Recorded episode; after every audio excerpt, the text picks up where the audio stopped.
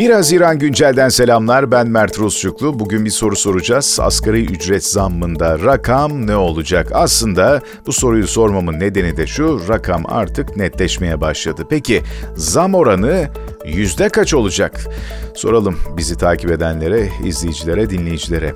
Var mı bir fikriniz öncelikle? Zam oranının yüzde kaç olmasını bekliyorsunuz asgari ücrette? Sadece asgari ücret demeyelim aslında. Asgari ücretin biliyorsunuz ki e, ortaya çıkarmış olduğu zam oranı beraberinde diğer özel sektör çalışanlarını da doğrudan etkiler. O yüzden önemlidir asgari ücret. Her neyse hemen konuya girelim. 28 Mayıs'taki seçimlerin ardından asgari ücret zammı için %30 formülünün ortaya çıktığı belirtildi. Evet zam oranının %30 civarında olması bekleniyor.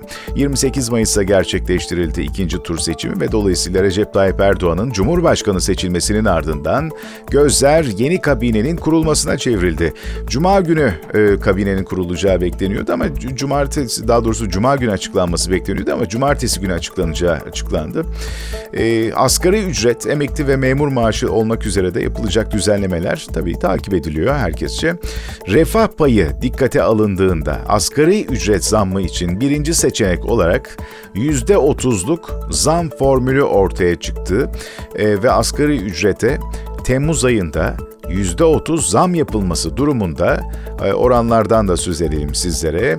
11.058 lira olması bekleniyor asgari ücretin. Bu da e, aşağı yukarı 530 dolara e, denk geliyor. Neden dolar olarak söyledim? Çünkü bununla ilgili de bir açıklama yapacağım. Şimdi bir paylaşım yapacağım. E, bunu e, 500 dolar civarında olmasını e, düşünüyoruz e, demişti Çalışma e, Bakanı. E, Çalışma ve Sosyal Güvenlik Bakanı Vedat Bilgin. Onun üzerine 530 dolar civarı dedim. E, brüt olaraksa 13.010 lira olacak asgari ücret eğer %30 e, zam yapılırsa. Evet asgari ücrete bu arada geçen sene de Temmuz ayında yaklaşık %30 e, civarında bir zam yapılmıştı. Dolayısıyla e, bu Temmuz ayında da yani önümüzdeki ay yine %30'luk bir zam bekleniyor. Onu söyleyelim.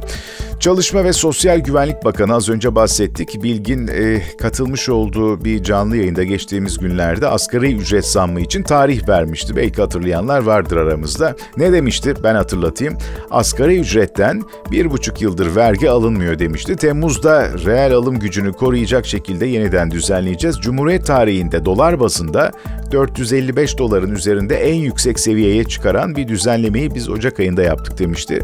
Temmuz'da da yani e, önümüzdeki ayı kastederek Temmuz'da da aynısını yapacağız dedi ve aşağı yukarı 500 dolar işte ne kadar oluyor 500 dolar bugünün kuruyla söyleyeyim 10.381 lira civarında.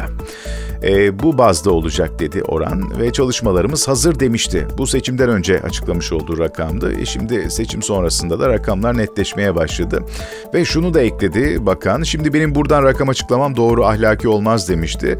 500 dolara tekabül eden bir alım gücünü Türkiye'nin asgari ücrette korunmasını sadece asgari ücretliler için değil diğer çalışanlara da yansıdığını belirtmek isteriz demişti. Evet az önce bahsetmiştim ya sadece asgari ücretli çalışanlar için değil bu artışlar aynı zamanda bu artışları e, dikkate alarak e, çalışanlarına ya da vermiş olduğunuz hizmetin üzerine eklenen e, zam miktarı olarak da görebilirsiniz. Çünkü e, genellikle özel sektörde bu asgari ücret zamlarını dikkate alarak e, çalışanlarının ücretlerini yükseltir.